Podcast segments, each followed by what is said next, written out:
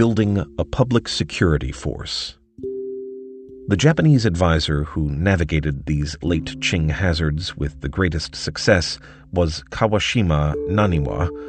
Kawashima was the epitome of an old China hand, so fluent in Chinese that he could pass as Chinese. China was not only in his life, it was his life. Although the West was a constant reference point for him, as it was for the rest of his generation, it was so in an entirely negative sense. Whereas his schoolmates flocked to European language classes, he insisted on majoring in Chinese, and he happily recited the classics to all who would listen. He was consistently anti Western, racially, culturally, and viscerally, and he took Japan's humiliation at the hands of the foreign powers as his personal burden. His viewpoint was an early expression of the emotionally charged liberation of Asia from white domination version of Asia for the Asians that would inflame Japanese thinking in the 1930s and 1940s. Ironically, Kawashima's obsession with China shared something essential with Konoe's more sophisticated, reasoned, soft power arguments for a redirection of Japan's foreign policy. The belief that prioritizing engagement with China as a counterweight to the West was both culturally feasible and in the best interests of both countries. When it came to career choice, Kawashima rejected both military school and business Yet he was also not drawn to China scholarship. He wanted real life involvement in China, and in that respect, that is, in becoming a new style China expert, a practitioner with an academic background, he resembled Hattori, who was unlike him in almost every other way. Kawashima spent years in China, beginning in the 1880s, first as a freelance intelligence agent for the military, and then under contract as an army interpreter during the Sino Japanese War, directly followed by a brief stint as supervisor of a drug suppression unit in occupied Taiwan. Ever restless, Kawashima returned to Tokyo in the late 1890s to teach Chinese language and literature at Japan's military academy and at Kano Jigoro's Tokyo Teachers College. The Boxer Uprising was a turning point for Kawashima. As Japan put together an 8,000 man contingent to join the British led coalition marching on Beijing, Kawashima's unique language skills were again sought out by the Japanese army, and he signed on as an interpreter in late June. Once coalition troops secured Beijing, they divided it into sectors, each run by a different national force, and each force charged with ridding the city of suspected boxers and restoring order. For Japan, the role of occupier meant proving its administrative capabilities for the first time before an international audience a role made all the more prominent by the fact that, as the biggest contributor to the Allied effort, Japan was given the largest area to govern. This was Kawashima's big break. Fluent in Chinese and with an insider's view of Chinese culture and politics, he was a natural to work with Japan's peacekeepers to train the old Beijing gendarmerie in modern police methods. Upgrading local security was a logical first step in bringing the city that had run riot back to normal. But there were long term implications that Kawashima was well aware of, working within a Chinese government agency on the vital task of creating a modern public security system had the potential to give Japan the kind of commanding influence that the British had enjoyed for 50 years through their control of the Chinese Maritime Customs Service. Pursuit of national interest worked both ways. As the streets became safer, Kawashima's reputation for getting things done attracted the attention of Li Hongzhang and senior Manchus in the transition government who were concerned about keeping the city clear of terrorist elements after the withdrawal of the international troops. When they established the Beijing Police Academy in June 1901 to replace the Japanese Army's training unit, they asked Kawashima to stay on as director.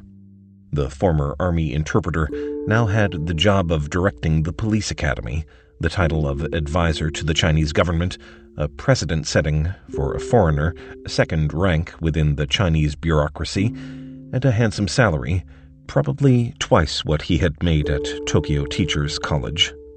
Kawashima worked fast.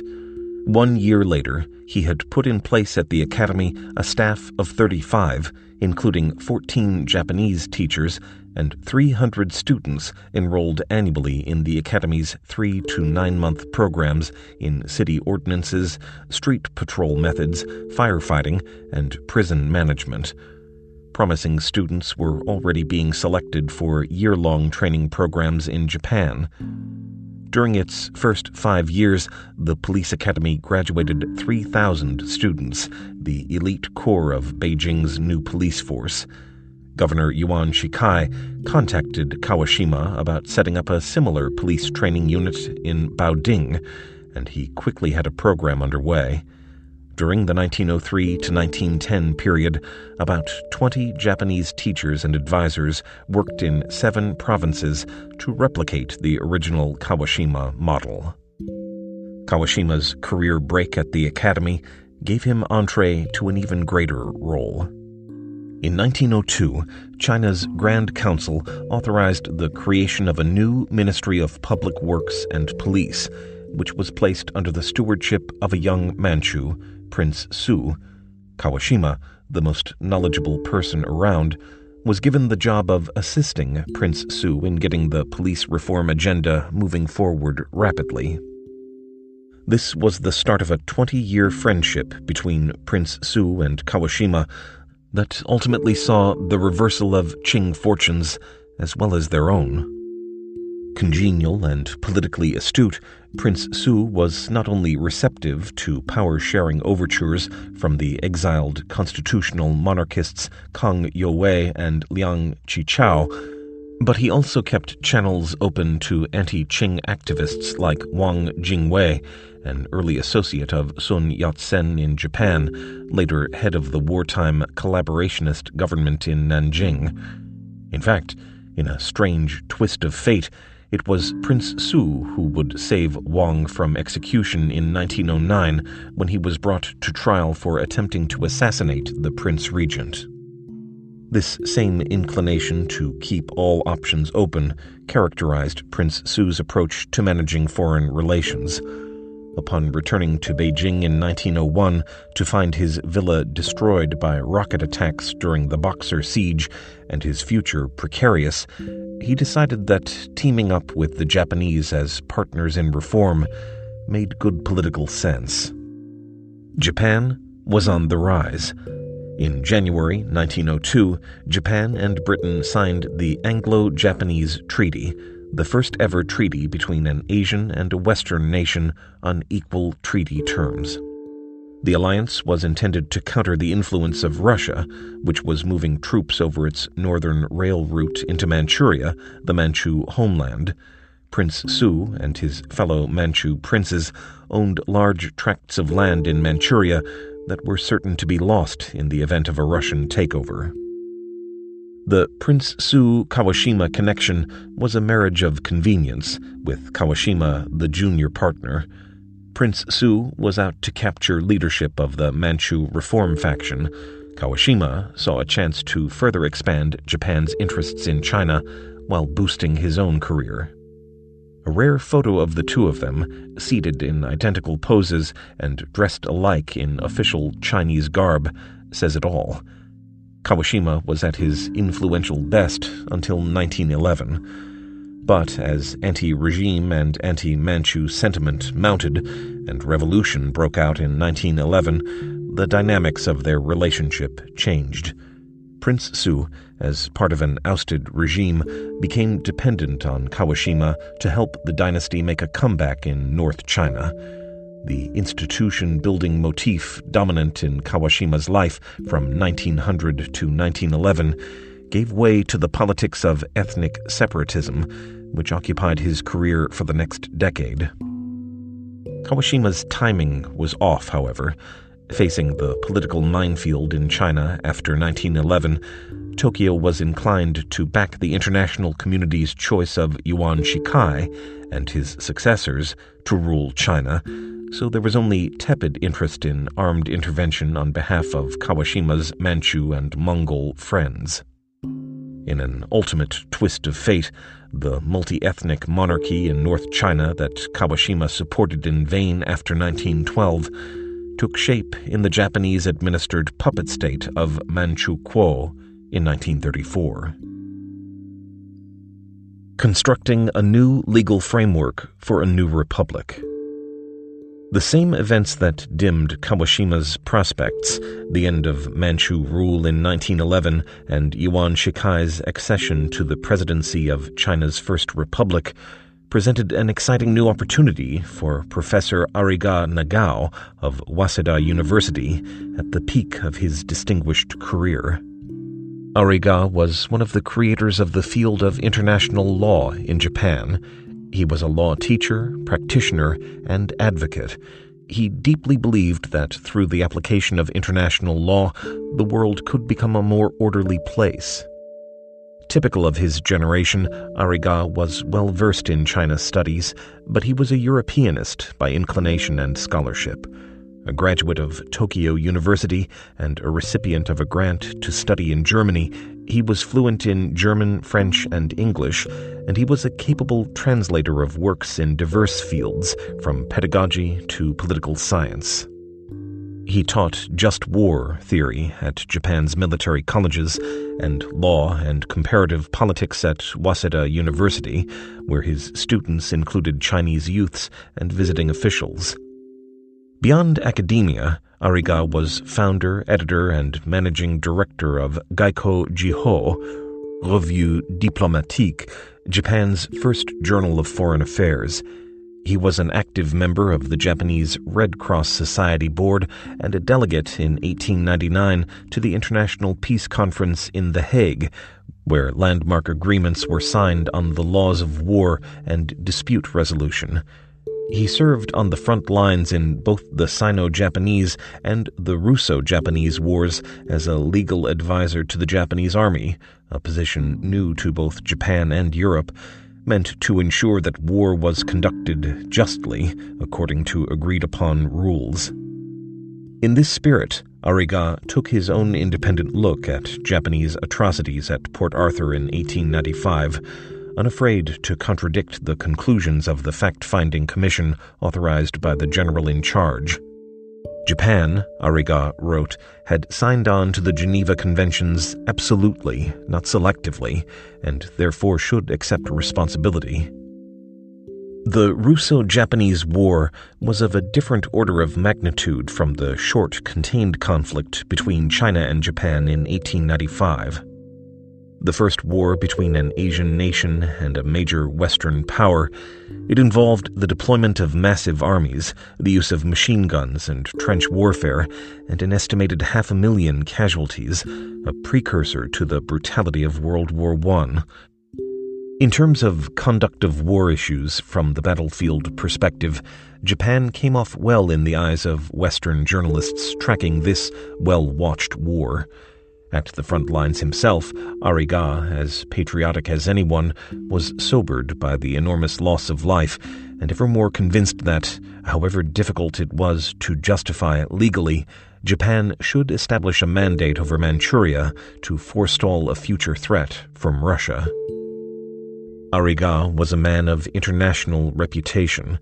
His French colleagues in international law recognized him and Japan as exceptional in their commitment to international norms.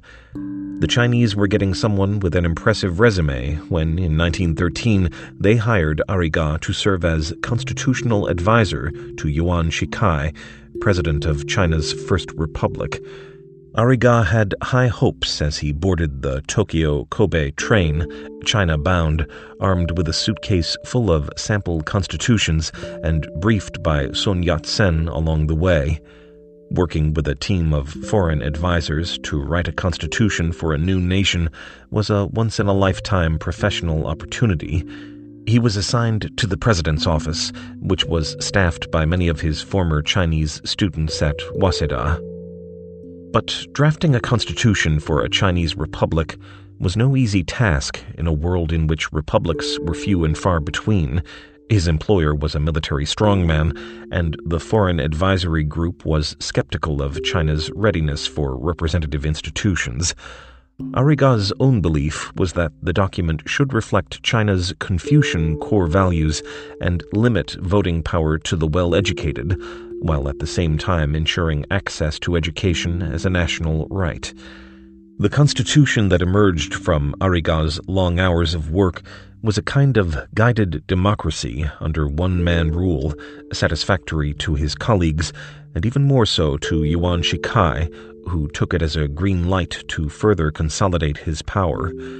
For all his knowledge and intellectual sophistication, Ariga was in over his head in trying to read the political mind of Yuan Shikai, who was soon embarked on a bid to become emperor. Nor would Ariga come out a clear winner in his 1915 clash with his own foreign ministry over the 21 demands, an interventionist policy he argued against with characteristic vigor, returning to Japan as Yuan Shikai's emissary to make the case before Japan's elder statesmen. In the end, the demands were moderated, but Ariga was pegged as a politically naive academic. Japan's standing suffered internationally, and rising anti Japanese sentiment drove thousands of Chinese students then studying in Japan to return to China in protest. Chinese students, Japanese teachers. When Konoe Atsumaro and Zhang Zhidong met in Wuhan in 1899, they agreed in principle to a three part program of study tours, technical assistance, and overseas training. Remarkably, within several years, and despite the turmoil in Qing politics, all three programs were established and growing. Although neither centralized nor well coordinated, these activities were mutually reinforcing and involved a supportive network of like minded people. Study tour officials checked up on Chinese students in Japan. Japanese advisors organized new programs with Japanese training built in and Chinese students returned from abroad provided living proof of what an eye opening experience study in Japan could be. In their new policies, Zhang Zhidong and Liu Kunyi urged all provinces to send students abroad on scholarships to study military science, liberal arts, and technical specialties. On the Japan side, schools were built for Chinese students and special programs were expanded. What started out as a trickle of students quickly became a flood. This appeared to signal a mutually beneficial relationship. The early 1900s were uncertain times for China's youth. The civil service exam, the traditional path to career success, was being phased out, and by 1905 it had been ended entirely. More problematic, and clear to all in contemporaneous photos of occupied Beijing, was the very survival of a weakened China facing stronger foreign militaries readily deployed to preserve their array of China interests north to south. Now the foreign powers also included Japan, its China policy hard to read, but, for the moment, a useful example of fast track modernization. For China's leaders and young people alike, studying the Japan model seemed the best way to prepare for the future. By 1902, as part of a new policy's effect, there were already 400 to 500 Chinese students in Japan. By 1903, there were 1,000, and by 1906, in a burst of enthusiasm after Japan's victory over Russia, the numbers rose to perhaps as many as 10,000. These were small numbers in an absolute sense, but a huge percentage of those between the ages of 17 and 25 who were then receiving a modern education. How to manage this group of scholarship and privately funded students, some of whom had radical leanings on arrival, and others who were swept into protest politics on the scene, ultimately became a challenge for authorities on both sides. Students were enrolled in a whole potpourri of programs and specialties, the more so as time went on, and they began to go to Japan on their own funds and to demand short term intensive programs. According to the records of 660 students from 1903, about 40% were in liberal arts and teacher training programs, notably at Kano Jigoro's Kobun Institute or Waseda and Hosei universities. Another 30% were taking a mix of primary, vocational, and college level specialized courses. The remaining 30% were enrolled in a police studies course at Kobun or were cadets at the military preparatory school Seijo Gakko, which had admitted its first Chinese students in 1898. In 1904, China's Bureau of Military Training announced a new joint central government and province financed program to send 100 students a year to Japan for a four year course of military studies. In 1932, half of the members of the nationalist government's military commission were graduates of Japanese military schools. Meiji Japan was a law and order society, but compared with Qing China, it was open and vibrant, with discussions of new ideas to balance off debates and public protests in the streets. Openness to new ideas was what had brought Chinese students to Japan in the first place and in 1900, even before the new policies were announced, a handful of Chinese students had started a small journal to translate and publish Western and Japanese works. Ariga Nagao's contemporary political history was included among them, along with school lectures and articles from foreign affairs magazines. With even more students going to Japan, these types of small ventures multiplied. The students began to organize, first an all student union and then provincial clubs, spaces where they not only could socialize but also compare notes on what they were learning, talk about the challenges China faced, vent about the state of politics, and criticize the Qing government. It was a natural next step to publish these discussions, and easy to do in Meiji Japan, as Liang Qichao had discovered. In 1906, there were six student provincial magazines, the next year, 20. Total circulation figures were small, around 7,000, but they compared well with those for Liang's magazines, and similarly, they were distributed in Shanghai and widely shared. They helped supply an increasingly politically aware readership with new information on Western political thought, legal systems, current events, along with critical commentary, increasingly scathing, on Manchu rule. Overall, the student publications contributed substantially to a new phenomenon in China an opposition press. Students were drawn to the diversity of ideas they encountered in Japan and the novelty of bringing them to the attention of the Chinese reading public. Articles in the provincial journals covered a mix of topics. An essay on the Russian anarchist movement might be followed by an article on the Meiji banking system and another on the functioning of the brain, all of them sounding like school reports. However, when it came to politics, there was a single minded focus on one vexing issue the source of national power. What accounted for Western strength? Why had Japan made it in the world and China had not? How could the Chinese develop a stronger spirit of nationalism? By fixating on national power, the Chinese students were following, not leading, a trend. Discussions of social Darwinism and imperialism as applied to Japan were hot topics in the Meiji press at the time. In the view of some Japanese academics, not only were survival of the fittest struggles inevitable, but becoming imperialist, as Western nations had done, was an indicator of success and good policy. In fact, in the context of the times, it was axiomatic that if a nation could expand, it would expand. As Theodore Roosevelt said in 1899, every expansion of a great civilized power means a victory for law, order, and righteousness.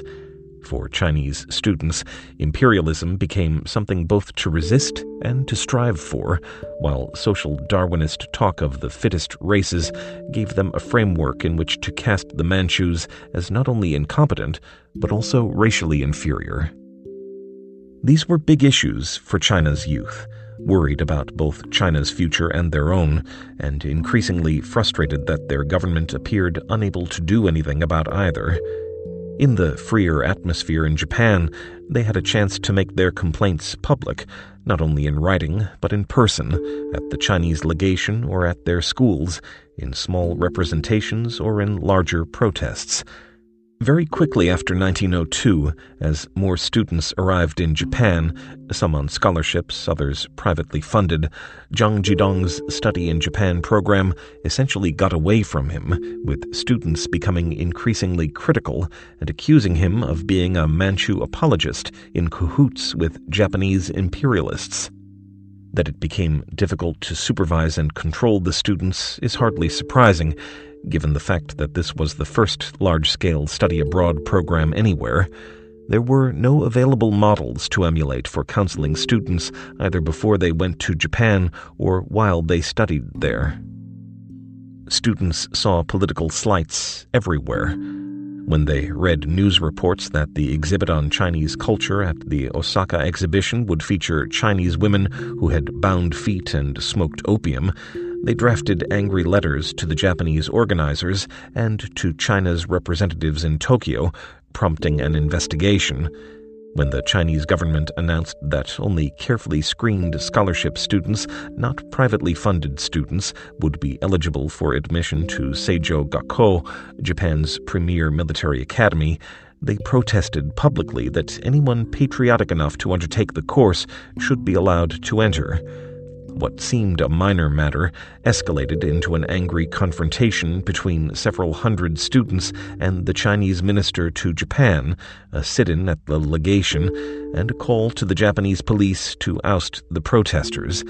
This was clearly less about admissions and more about who should determine the intent of overseas study the authorities, both Chinese and Japanese, or the students themselves. In the spring of 1903, it was an international crisis that put the Chinese students in Tokyo at odds with their government in Beijing. Russia's refusal to finalize the withdrawal of its 100,000 troops from Manchuria, as agreed to with Britain, Japan, and China the previous year. As avid readers of Japanese newspapers, Chinese students in Tokyo were well informed, fully aware of Russia's new demands for concessions from China, as well as familiar with arguments from some prominent Japanese that going to war was the only way to curb Russian ambitions. In their view, the silence from Beijing made China look weak and indecisive, inviting yet another round of humiliation at the hands of the foreign powers. Whatever their particular politics, virtually all the students saw themselves as Chinese patriots responsible for a forceful response. 500 turned out in Tokyo at a Resist Russia rally, and dozens wrote articles lambasting Qing officials for their incompetence. They also organized sympathy protests in Shanghai and Beijing, and even offered to volunteer for military service against the Russians. It was all for naught in terms of pressuring Beijing, however. Japan broke off its year long negotiations with Russia on February 6, 1904, and two days later launched a surprise attack on the Russian Navy at Port Arthur. China claimed neutrality in the war that followed. By far, the largest student protest occurred in the fall of 1905 when, in the excitement of Japan's victory over Russia, the number of Chinese students in Japan shot up to nearly 10,000. As in the Seijo Gakko incident regarding admissions to Japan's premier military academy, Student anger was triggered by a change in the rules, the announcement by Japanese authorities, with Chinese agreement, of new guidelines both for students and the schools catering to them. But the students caught political undertones in this new attempt to define what the overseas study experience was meant to be. Their objections were less about stricter controls per se, and more about the motives of the authorities issuing them. Was the Japanese government treating Chinese students fairly and on a par with its own students? Was the Chinese government standing up for its students or colluding with Japan to curtail their personal freedoms? Were China's leaders patriotic enough, or even competent enough to push back against foreign intervention. These were the basic issues the behavior of Japan as the new imperialist, the capabilities and loyalties of Han Chinese versus Manchus, driving what started small, then grew into larger circles of protest. In 1905, an estimated 4,000 students were involved in clashes with the authorities. 2,000 left Japan in protest, though most quickly returned. Still, by 1909, student numbers had dropped to 5,000. In the ultimate irony, nearly all Chinese students left Japan in 1911 as the forces for change engulfed China's 2,000 year old imperial system. Meant to infuse the system with new talent and moderate reform thinking, China's Japan trained youth ultimately contributed to its demise. Japan trained students and the end of Imperial China. What Sun Yat sen wanted from Japan was not lessons in Meiji style state building, but financial backing for his project to overthrow the Qing regime. His friends were primarily in the Japanese and overseas Chinese business communities, not in Japanese mainstream official circles, though he did try to make inroads there as well, and he shared their vision of a pan Asian future. He was on the margins of politics in the years around 1900, seeking an interview with Konoe, support from Shimoda Utako, and to exploit Inukai Miyazaki Konoe connections. Official China was not overly worried. Zhang Zhidong had expressed it best when he responded to Konoe's perceptive question about whether Sun was a threat to the regime by dismissing him as a small time thug. With some notable exceptions, such as Ji Yihui, an 1899 graduate of the Kobun Institute, Chinese students regarded Sun Yat sen as something of a curiosity in his efforts to market revolution, a person worth meeting but unconnected to their lives. Sun was completely out of touch with students between 1903 and 1905, as he was off on a Europe US fundraising tour. However, luck was in his favor. His return to Japan in July 1905 could not have been better timed. Japan's defeat of Russia, a huge European power, excited Asian nationalists and sparked a surge in the number of Chinese students making their way to Japan, either to attend school or to organize anti regime activities. Even so, it was not a sure thing that Sun could seize the moment and get this restive group, with its multiple viewpoints on reform and revolution, to join the new revolutionary organization he had established in Tokyo. His backer, Miyazaki Torazo, had to make the initial contacts. There was not great enthusiasm. The several hundred students who did appear at the inaugural meeting of the Revolutionary Alliance, Tongmeng Hui, represented but a small percentage of the thousands of students Sun had hoped to attract. Even among the most vocal anti Qing students in Tokyo, Sun's initial bid to capture a leadership role was a hard sell, despite the appeal of his clearly articulated vision for national revival. Huang Xing and many others were not willing to immediately disband their own radical groups from different regions of China to join the Sun led organization. There were also clashes within the student group between Sun's people and the constitutional reformers who backed Liang Qichao. The Tokyo government was not happy either, particularly about harboring an organization calling for regime change in China, when that regime was recognized as legitimate by the rest of the international community. In 1907, Japan acceded to a request from Beijing to expel Sun Yat sen, a move that propelled him over the next several years into a new round of resistance activities in South China and fundraising efforts targeting overseas Chinese in Southeast Asia, Europe, and America. After 1905, students trained in Japan were the dominant element in the Revolutionary Alliance. Slipping into Shanghai and beyond from Tokyo, they were prominent in the mounting number of terrorist attacks and small uprisings that spelled danger to the Qing state. In their everyday lives, many held teaching posts in China's new schools or were officers in the new army. Others were employed as clerks in businesses along China's coast. All were well placed to sign up new revolutionary recruits and to pass on anti Qing literature that originated among the Chinese students still in Japan. Ferreting out those involved in revolutionary plots was an impossible task. But what left the Qing regime most vulnerable was an even more insidious phenomenon.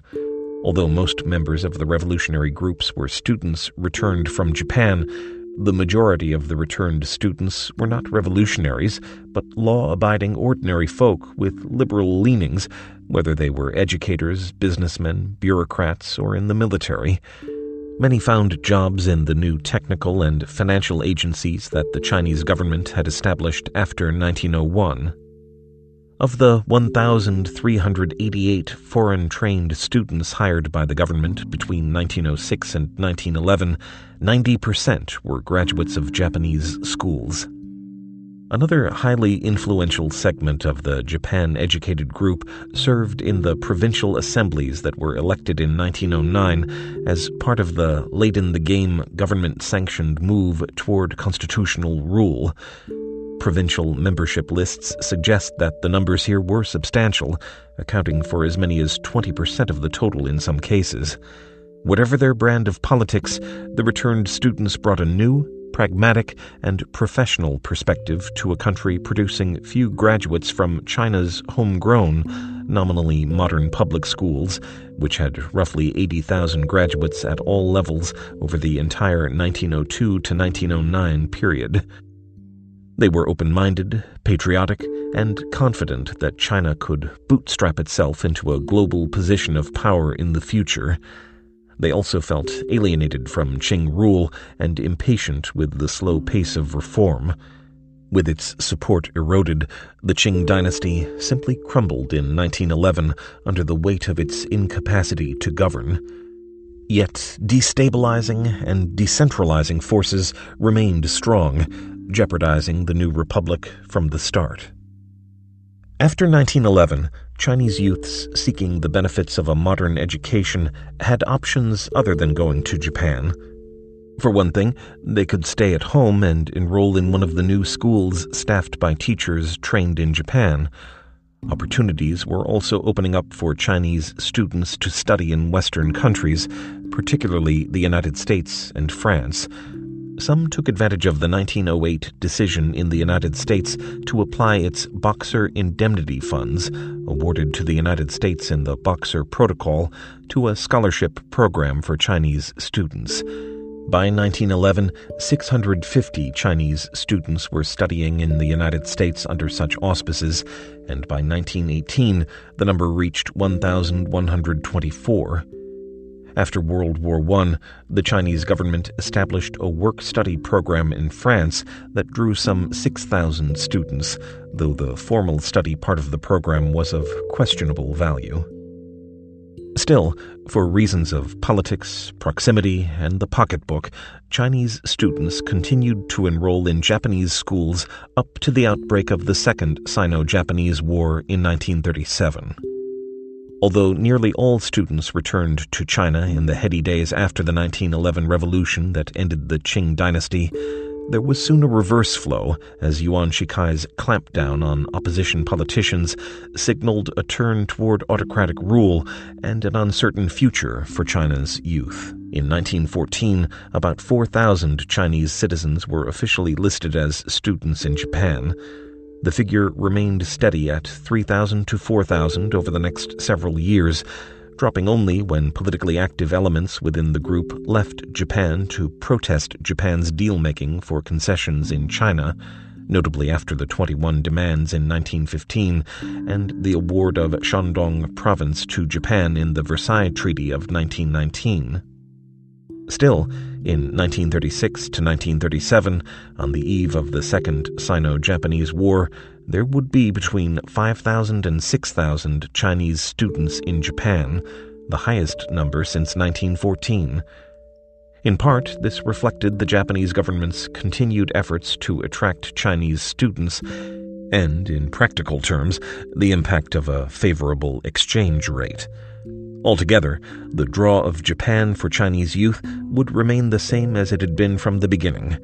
It offered the possibility of a low cost, modern education and greater freedom of action.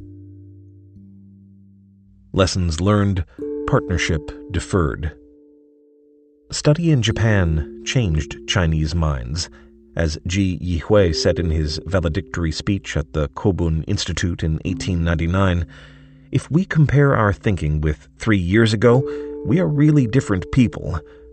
Arriving in Japan as young men from Sichuan, Hunan, or Guangdong, Chinese students began to see themselves as the Japanese public saw them Chinese, pure and simple, foreigners from a neighboring country, once great, but that had fallen behind in the eyes of the rest of the world. If proof were needed of China's diminished stature and Japan's rise, daily life in Tokyo confirmed it. Tokyo was visibly modern, well run, and more open than China politically, with multiple outlets for the expression of public opinion. Students were drawn to this new openness and admired the Japanese power on display in the war against Russia, even as they resented Japanese restrictions on their own freedom of action and feared Japan's alignment with Western imperialism.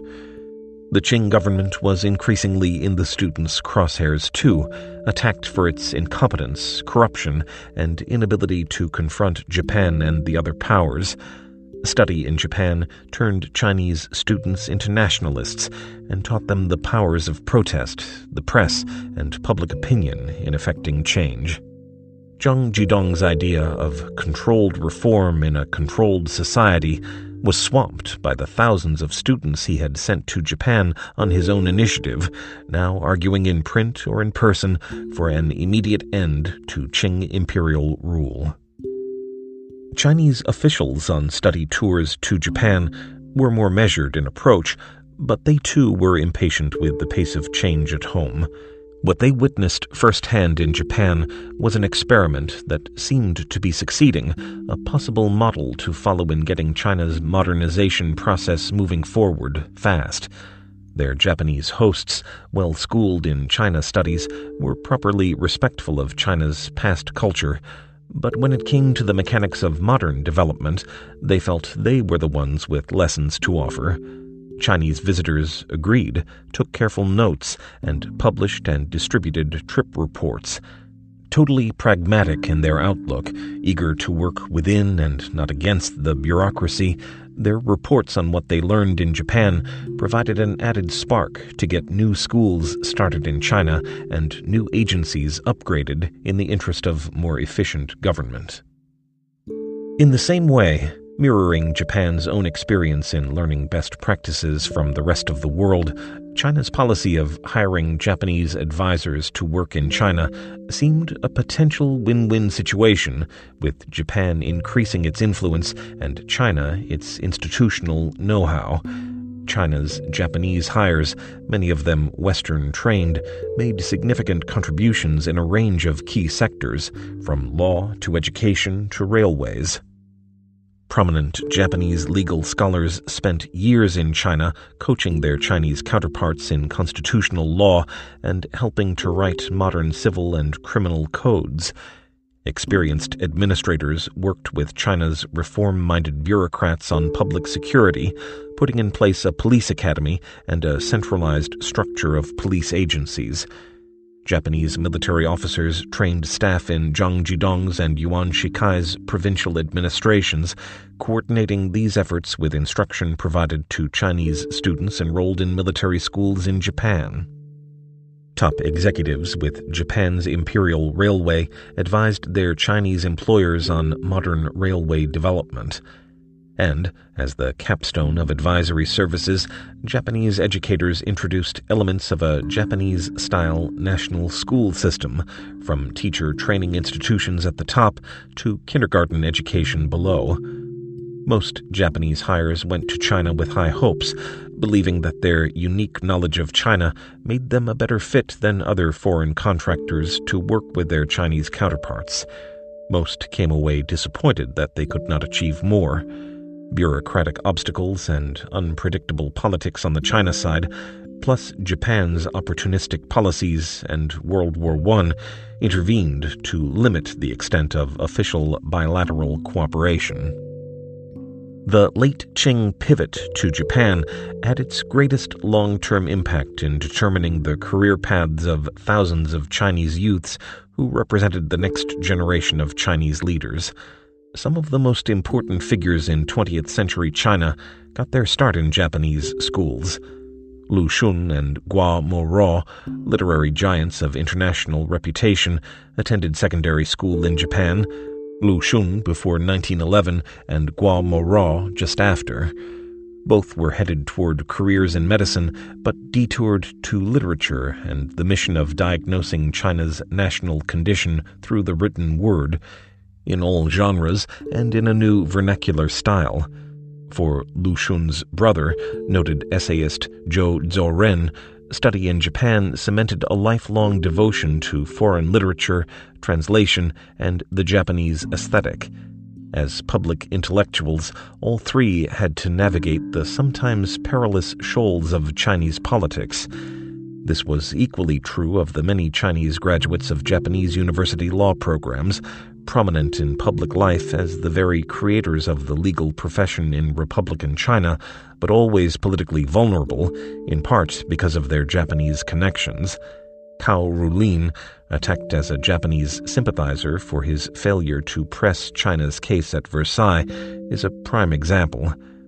Other Chinese graduates of Japanese universities rose quickly in China's academic hierarchy, notably Chen Duxiu and Li Dazhao, products of Waseda University's Law and Politics program, Chen became dean at Peking University, Li head librarian, and both became celebrated co founders of the Chinese Communist Party in 1921. The list goes on. It is well known that Zhou Enlai, Chiang Kai shek, and Wang Jingwei, three of the main protagonists in China's wartime drama, studied in Japan it is less known that Zhang Zongxiang, a Tokyo University law graduate, later China's minister to Japan, assisted a Japanese legal advisor in writing a new criminal code for China, or that Hattori Unokichi's Japan trained teaching assistant, Fan Yuanlian, became president of Beijing Normal University and Minister of Education or that Shen Junru, appointed president of the Supreme People's Court of China in 1949, studied at Hosei University from 1905 to 1908. As indicated in these few cases, and the hundreds more that have been documented, Learn from Japan policies produced a variety of outcomes. Much more research needs to be done to arrive at a full and balanced assessment, but it is safe to say at this stage that the young Chinese students who were sent or decided to go to Japan were primed to absorb what was modern and useful for their own future and China's, that their subsequent careers had a kind of ripple effect in changing Chinese social and political structures in significant ways, and that over the long term they established professional networks with Japanese counterparts that endured remarkably, even in the period of post World War II reconstruction. Their attitudes toward Japan, their host country, were on balance ambivalent and ever shifting, not an unusual after effect of study abroad programs in any part of the world. For all the plans and projects launched by China's newly trained elite, many of whom were Japan educated, the story of China after 1915 was one of unceasing disorder, a sad narrative of fractured politics, military conflict among contending warlords, and ultimately all out war with Japan. Even after 1949, when political unity was achieved, the sheer size, complexity, and poverty of Chinese society made it difficult to catch up economically without foreign help. It was not until 1978, after the failures of the Great Leap Forward and the Cultural Revolution, that Chinese leaders turned once again to reform and opening to the outside world, including Japan the policy that Zhang Zhidong had endorsed with mixed success after 1895. In a conversation with Japan's Prime Minister Fukuda in 1978, China's Deng Xiaoping, reflecting on the wide scope of Japanese learning from China during the Tang Dynasty, commented that now the roles of teacher and student are reversed. This had been the unspoken assumption and the hope of the Zhangs and Konoes of the world in the early 20th century.